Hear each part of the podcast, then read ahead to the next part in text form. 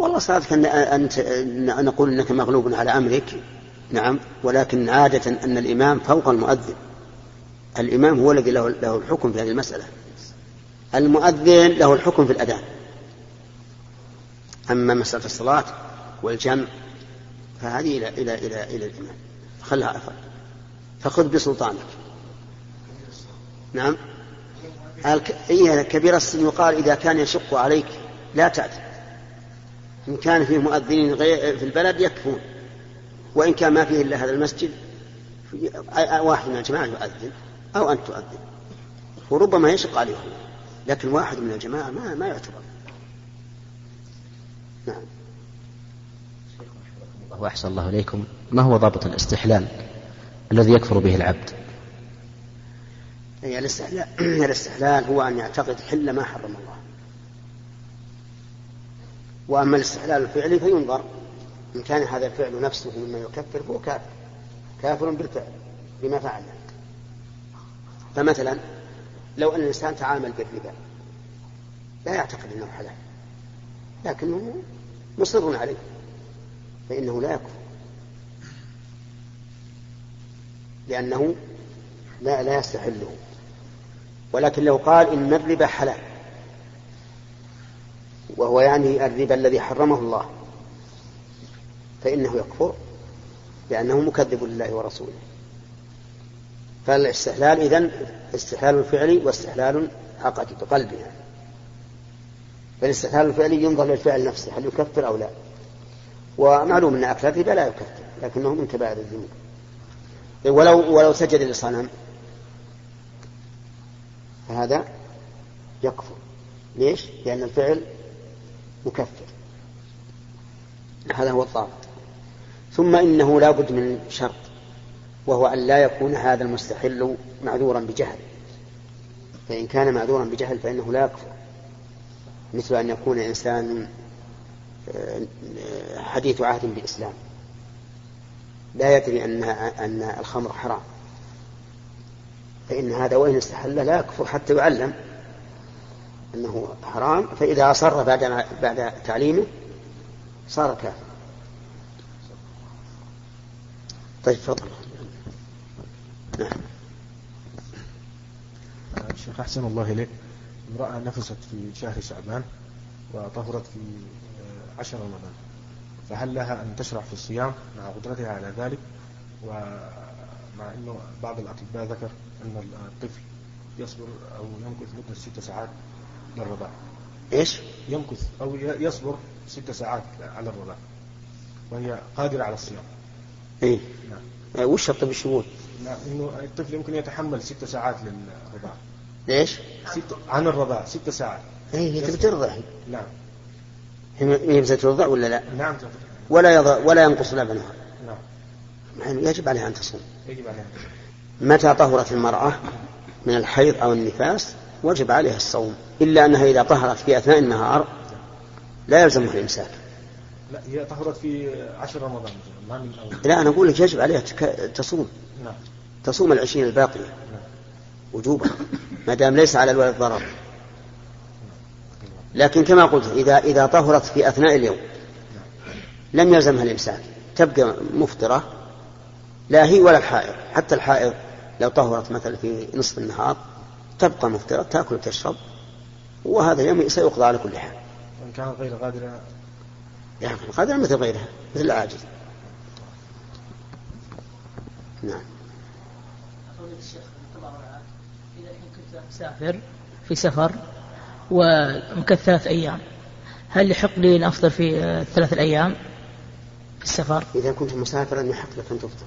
في أثناء الطريق. في أثناء الطريق وفي البلد الذي مكث فيها. مثلا لو ذهبت إلى عمرة نعم. تبي تبقى مكة خمس أيام ست أيام أفطر ما في مانع.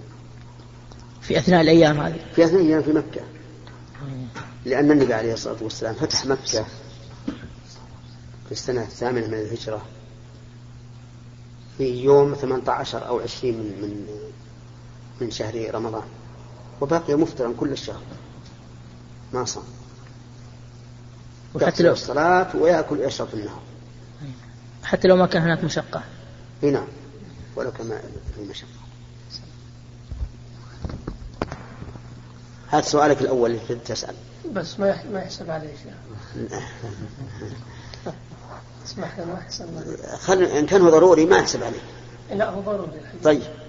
آه، ذكرت الحديث أحسن الله إليك مدعوا شهوته وطعامه. الحديث نعم. وذكرت أن هذا دليل يصح على تفطير آه، من أنزل منيا بشهوة. نعم. ما يمنع من إدخال من أنزل مذيا بشهوة؟ تحت هذا الحديث. ها. لأن لأن المذي ما هو شهوة. ولهذا يخرج من غير إحساس به. لولا أثره وهو الرطوبة ما علمنا به. لكن هذا معروف. يحصل بشهوة المذي. لا لا بل أبد يحصل بدون شهوة. إذا حصل بشهوة. صار مني. إذا كان يخرج دفقا فهو مني. ذكر أحسن الله عليك أنه قد يقبل وينزل مذي اي هذا هذا معناه إن- إنه حصل المذي أنا هذا معروف. هو لابد لابد فيه من شهوة لكن هو نفسه ليس بشهوة. ما تجد لذة عند خروجه. اللذة منفصلة عنه. ولهذا يخرج بدون دفق وبدون إحساس. ما يحس الإنسان إلا برطوبة. انظر حكمة الله. المني وش يوجب؟ الغسل. يوجب الغسل. وهذا لا يوجب الغسل. البدن فرد هذا ما يخلخل البدن ولا يتأثر به البدن اللي هو المذي بخلاف المني. أحسن الله عليك. إذا ندب الله عز وجل إلى أمور آه، من الشريعة. آه، ندبا عاما. ومنع من إيقاعها مثلا ولي الأمر. من نعم. منع من إيقاعها ولي الأمر. نعم. فهل يستجاب لولي الأمر لهذا مع قول الرسول أو توجيه قول الرسول عليه الصلاة والسلام؟ إنما الطاعة في المعروف. نعم. مع الضابط إذا تيسر. جزاكم الله خير لابد حدد هذه المسألة. مثل لو يعني قل لو قال كذا. أخشى أنه ما ما يحسب عليه. المسألة أنا أحس- أنها تحتاج البسط. لا قل مثل كذا. مثل لو مثلا- قال لا مثل لا لا, لا تصل راتبة الظهر مثلا. مثلا لو أمر ولي الدعوة إلى الله عز وجل الأصل فيها الإذن من عند الله عز وجل. نعم. إذا منع ولي الأمر من آه، شخص من الناس آه، من الدعوة إلى الله عز وجل. نعم. فهل نعم. فهل هذا من المعروف الذي قال عنه إنما الطاعة في المعروف. هو نعم. و- فهل التزام أمر ولي الأمر ملزم في هذا؟ طيب. آه نقول إذا قال ولي الأمر للشخص مثلا لا تتكلم. نظرنا. إذا كان لا يقوم أحد سواه بهذه المهمة فإنه لا يطاع ولي الأمر لأنها تكون فرض فرض عين على هذا الشخص ولا طاعة لولي الأمر في فرض عين. أما إذا كان يقوم غيره مقامه آه، نظرنا إذا كان ولي الأمر يكره الموعظة وتوجيه الناس. نعم. فهذا يجب أن أن ولي الأمر يناصح في هذا في هذا. ويقال اتق الله. لا تمنع عباد الله من إرشاد إخوانهم. أما إذا كان لسبب آخر يحدث من وراء هذا من وراء كلام هذا الرجل ورأى أن المصلحة إيقافه وغيره قائم بما يجب القيام به فإنه لا يحل لهذا أن ينابذ ولي الأمر. وقد كان عمار بن ياسر رضي الله عنه مع عمر بن الخطاب في سفر فأجنب عمار أصابته جنابة فجعل يتمرق في في الصعيد كما تتمرق الدابة يعني يتقلب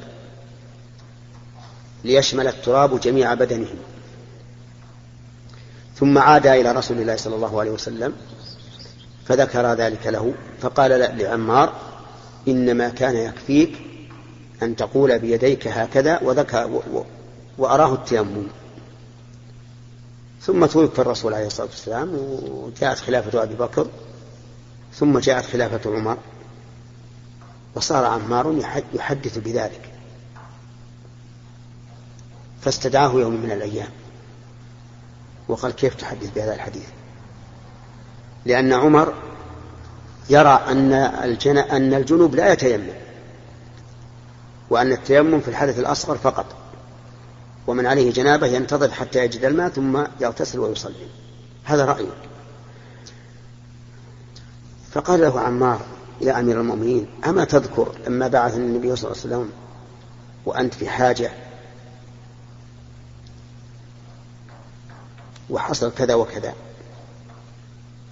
فكأن عمر نسي هذا. فقال له يا أمير المؤمنين إن شئت بما جعل الله لك علي من الطاعة ألا أحدث به فعلت. فقال له عمر لا نوليك ما توليت يعني فحدث به والشاهد أنه ما أنكر عليه قوله إن شئت بما جعل لك من الطاعة لا أحدث به فعلت. أما لو قال ولي الأمر مثل لا تصلي النافلة لا تصلي النافلة فنقول صلها لكن بدون منابذة صلها في بيتك. لأن منابذة ولي الأمر يترتب عليها مفاسد كثيرة. لا بالنسبة لك أنت أيها المنابذ لأنك أنت أيها المنابذ ربما تؤخذ وتؤذى وأنت تعتقد أنك أوذيت في الله لكن حتى غيرك يصاب بهذا بهذه المنابذة. كيف يصاب؟ ربما يقتدي بك غيرك ممن لا يعرف ما عرفت فينابذ بدون علم. وربما تتحسس الأخبار من حولك. ويؤتى بكل إنسان حولك ويؤذى بدون جريمة.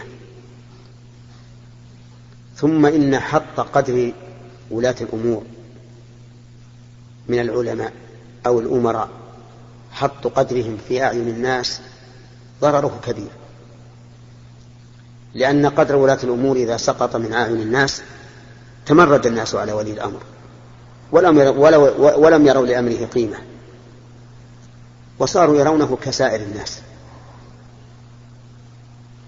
وإذا انحط قدر العلماء في أعين الناس لم يكن لما يقولونه من شريعة الله قيمة. ولم يثق الناس بأقوالهم ونبذت الشريعة من هذا الجسر. لأنها قدرهم هون في أعين الناس فصار الناس لا يبالون بهم ولا يأخذون بأقوالهم ويذهبون يأخذون من فلان وفلان ممن هو دونهم في فقه, في فقه شريعة الله عز وجل. فهذه الأمور لا ينبغي لنا أن ننظر إلى ظاهرها وسطحها لأن لها غورا بعيدا عميقا. ومن ثم قال النبي عليه الصلاة والسلام وقد سئل عن ولاة الأمور يطالبون بحقهم ويضيعون حق الله في رعيتهم. فقال النبي عليه الصلاة والسلام أعطوهم مالهم واسأل الله حقكم. حتى يعني لو منعوا حقنا نحن نعطيهم مالنا ما لهم علينا. ونسأل الله سبحانه وتعالى حقنا أن يهديهم الله حتى يقوموا به. فينبغي لنا أيها الإخوة أن لا ننظر إلى الأمور من سطحيتها فقط بل ننظر لما يترتب عليها من المفاسد العظيمة والأمن الأمن ما ليس له قيمة. يعني الدنيا كلها تبذل في الأمن. ويحط الإنسان من نفسه أشياء كثيرة من أجل الأمن. ولا يعرف قدر الأمن إلا من ابتلي بالخوف. واسألوا آباءكم الأولين ماذا كانت عليه هذه البلاد من الخوف فيما سبق.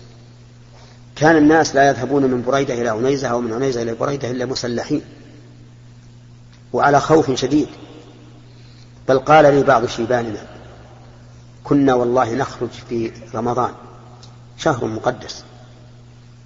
نخرج في رمضان من بيوتنا بعد العشاء بعد المغرب وعلى جنوبنا السلاح.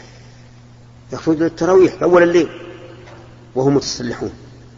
يخافون على أنفسهم من عدو يدخل البلد أو غير ذلك. فقدر فنعمة الأمن لا يساويها نعمة. وإذا انفلت الأمن من يرده؟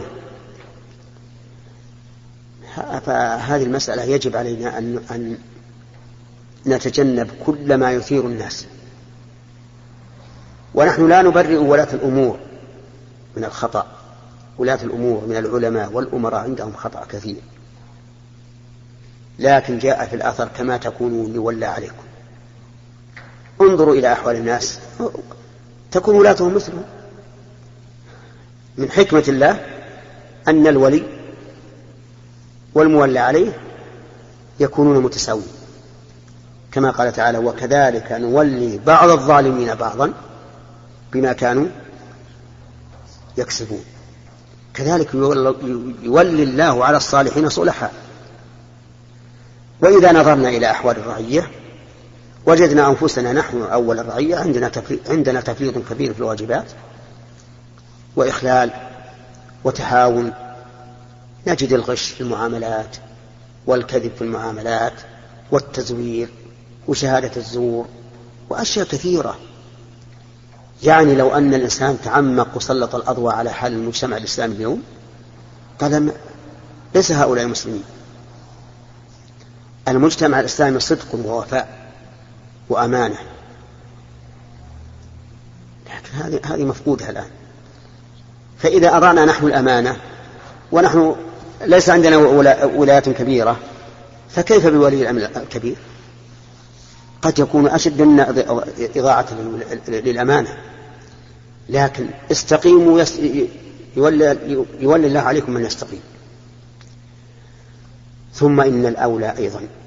بل لم أقل الواجب أن ندعو لولاة الأمور. سرا وعلنا. أن ندعو الله لهم بالتوفيق والصلاح والإصلاح. لأنهم ولاة أمورنا أعطيناهم البيعة. فلا بد أن نسأل الله لهم الصلاح حتى يصلح, يصلح الله بهم. ويذكر أن الإمام أحمد رحمه الله قال لو أن لو أعلم أن لي دعوة مستجابة لصرفتها للسلطان. لأنه إذا صلح صلحت الأمة. وهذا صحيح. فالواجب علينا يا أخواني أن لا نيأس وأن ندعو لولاة أمورنا أن يصلح الله لهم الأمور وأن يعينهم على ما حملهم وأن يذهب عنهم كل بضانة سوء لأن ولاة الأمر لا تظنوا أن ولي الأمر وحده. له أعوان وله وزراء وله جلساء. إن وفق بجليس صالح وعون صالح ووزير صالح فهو من توفيقه وتوفيق الرعية وإن كان الأمر آخر فهو من شؤمه وشؤم الرعية. ولهذا يجب أن ندعو الله لولاتنا أن يوفقهم للصلاح والإصلاح وأن ييسر لهم البطانة الصالحة. ونسأل الله لنا ولكم التوفيق.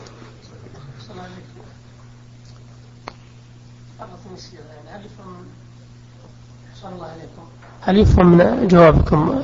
أن الكفاية قامت بدعوة الناس إلى الله عز وجل في أقطار الإسلام؟ لا ما قامت. لكن بلادنا والحمد لله فيها من يقوم بهذا كثيرا. أكثر المتولي أكثر المتولين للمنابر اليوم ولا سيما في المدن كلهم طلبة علم. وكلهم الحمد لله يوجهون الناس توجيها هادئا حادثا تحصل به الكفاية.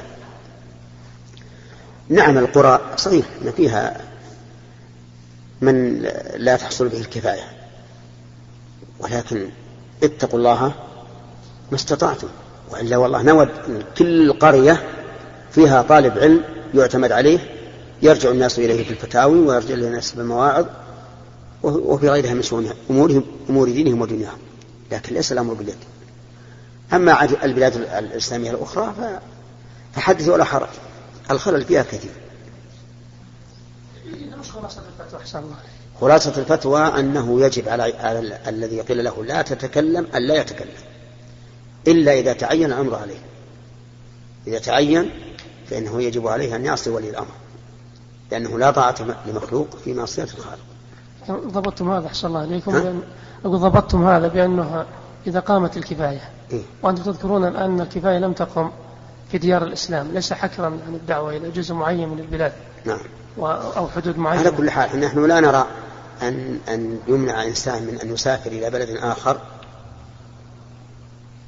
إذا كان يريد أن يدعو إلى الله لكن إذا كانت طريق دعوته إلى الله كطريق دعوته إلى الله في بلادنا فلولي الأمر أن يمنعه. لأن العلة هي العلة كلها هي عبارة عن آه، أشياء ربما توجب للناس وللرعية كراهة أولياء الأمور أو ما أشبه ذلك.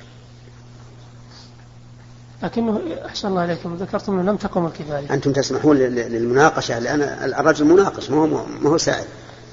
لأن لأنه على عرف رأي عرف رأيه في هذا وأنه يجب أن نتوقف إذا كان في في في الناس من من يقوم بالكفاية. وأما إذا لم يكن فيه من يقوم بالكفاية فلا يجوز امتثال ولي الأمر لأن معنى ذلك أننا آه، نترك ما أوجب الله علينا بيانه من الشريعة لأمر ولي الأمر. هذا هو خلاص الجواب. نعم. بعده. هناك رجل مريض مرض القلب. إيش؟ مرض القلب. ولا يعمل عنده إلا جزء بسيط ويحتاج إلى الدواء باستمرار. نعم. يعني كل تقريبا ثمان ساعات أو ست ساعات. فهل يعني يسقط عنه الصوم؟ هذا ي... نعم. الذي عنده هذا المرض يسقط عنه الصوم. ويطعم عن كل يوم مسكينا. إن شاء أعطى المساكين كل مسكين ربع صاع من الرز وإن أدمه بلحم فهو أحسن. وإن شاء عشاه في آخر ليلة من رمضان. هنا أو غداه في يوم آخر في فطر كان يستطيع الصيام ولكن لأجل الدواء هذا الدواء ما استطاع. هذا مريض محتاج للدواء نعم. فضيلة الشيخ. ما حكم ترجمة القرآن وتفسيره تفسيرا حرفيا بغير العربية؟ أسألك أنا هل يمكن أن يترجم القرآن ترجمة حرفية؟ تقريبا. ما يمكن. أبدا. فالمسألة مفروضة فرضا لا واقعا. لأن لأن الترجمة غير لأن اللغات غير غير القرآن تختلف عن القرآن. آه نعم. لأن اللغات غير العربية تختلف عن العربية. لا في الترتيب ولا في, الأسلوب لهذا لا يمكن. أما ترجمة القرآن ترجمة معنوية بمعنى أن يأخذ الإنسان آية ويترجم معناها فهذا لا بأس به بل قد يكون واجبا. نعم. في أسئلة عندكم؟ طيب. نمر من هنا. هات ها. لا اللي عندنا في عنيزة ما يخالف. ينتظرون إن شاء الله.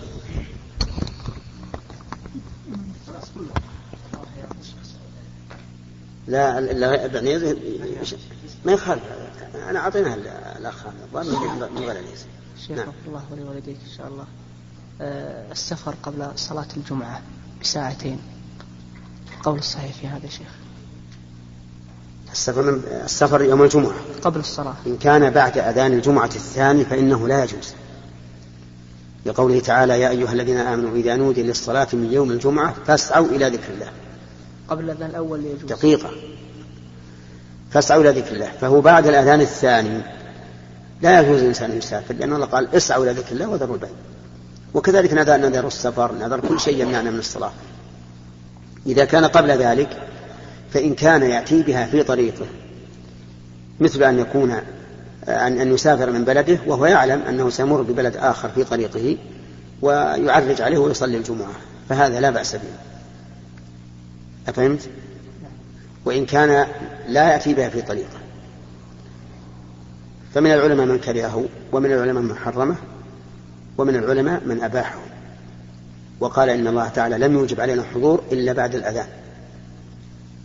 والأحسن أن لا, أن لا يسافر إلا إذا كان يخشى من فوات رفقة مثل أن تكون موعد الطائرة في في وقت لا يسمح له بالحضور أو ما أشبه ذلك.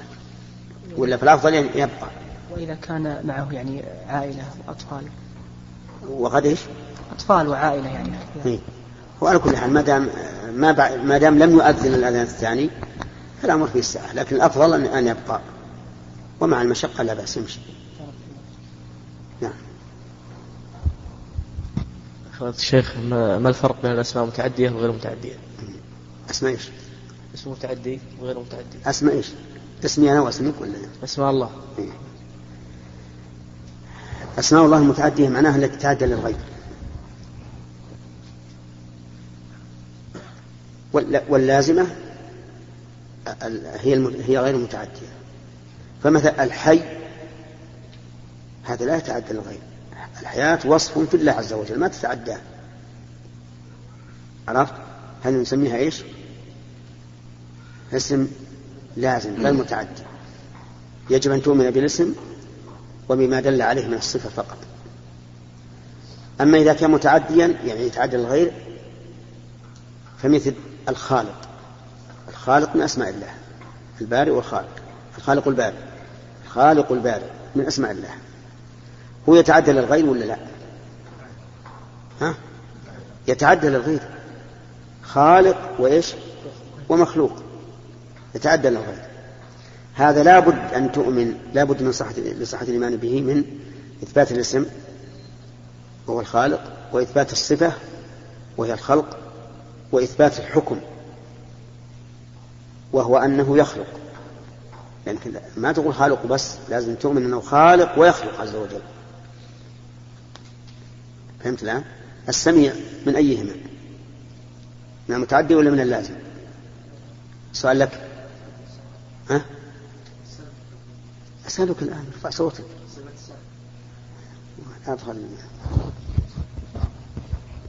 السميع من أسماء الله هل هو من المتعدي أو اللازم؟ لا متعدي. متعدي. ولهذا قال الله قد سمع الله قول التي تجادلك. فلا يكفي أن تقول أنا أؤمن بأن الله سميع وأن الله له سمع ولكن لا أؤمن أنه يسمع. هذا ما يجوز. لا بد أن تؤمن بأن الله سميع. وله سمع ويسمع. نعم. الشيخ حفظك الله بالنسبة لدخول الكفار للمسجد. لإصلاح بعض الأمور داخل المسجد. إيه؟ لا بأس أن يدخل الكافر المسجد لإصلاح المسجد. لكن يجب التحرز منه. بمعنى أننا لا نثق أن يحكم العمل. ربما لا يحكم العمل. فلهذا لا بد من التحرز أن يكون عليه مشرف من المسلمين الناصحين. نعم. هو ليس بنجس. الكافر مو نجس. يعني لا حرج في يعني ليس نجس النجاسة حسية هو نجس نجاسة معنوية. ولهذا لو لو مس يدك وهو رطب أو أنت رطب ما ما ينجسك. إذا لا حرج في المسجد. كما قلت لك لمصلحة المسجد. أما أنه بيدخل بيبكى في المسجد فلا. إذا كان لمصلحة المسجد أو أو أنه مثلا في المسجد آه، برادي بيشرب منها ما في بأس. انتهى؟ أي نعم انتهى الوقت. ها؟ طيب تفضل. فضل الشيخ حفظك الله فيه إمام خطيب جمعة. لا يصلي الفجر مع الجماعة إلا نادرا. آه، ذهبنا إليه وكلمناه ونصحناه يقول لا أقبل إلا قول إلا قولكم. يقول ليست بواجبة. أي اللي ما هي واجبة؟ يقصد آه، صلاة الجماعة. أي. ويقول لا أقنع إلا بقول ابن عثيمين. طيب. قل له يسلم عليك ابن عثيمين ويقول صلاة الجماعة واجبة.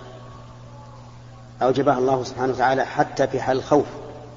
وإذا كنت فيهم فأقمت لهم الصلاة فلتقم طائفة منهم معك. وقال النبي عليه الصلاة والسلام من سمع النداء فلم يجب فلا صلاة له إلا من عذر. واستأذنه الرجل الأعمى أن يصلي في بيته فأذن له فلما ولى قال أتسمع النداء؟ قال نعم. قال أجب.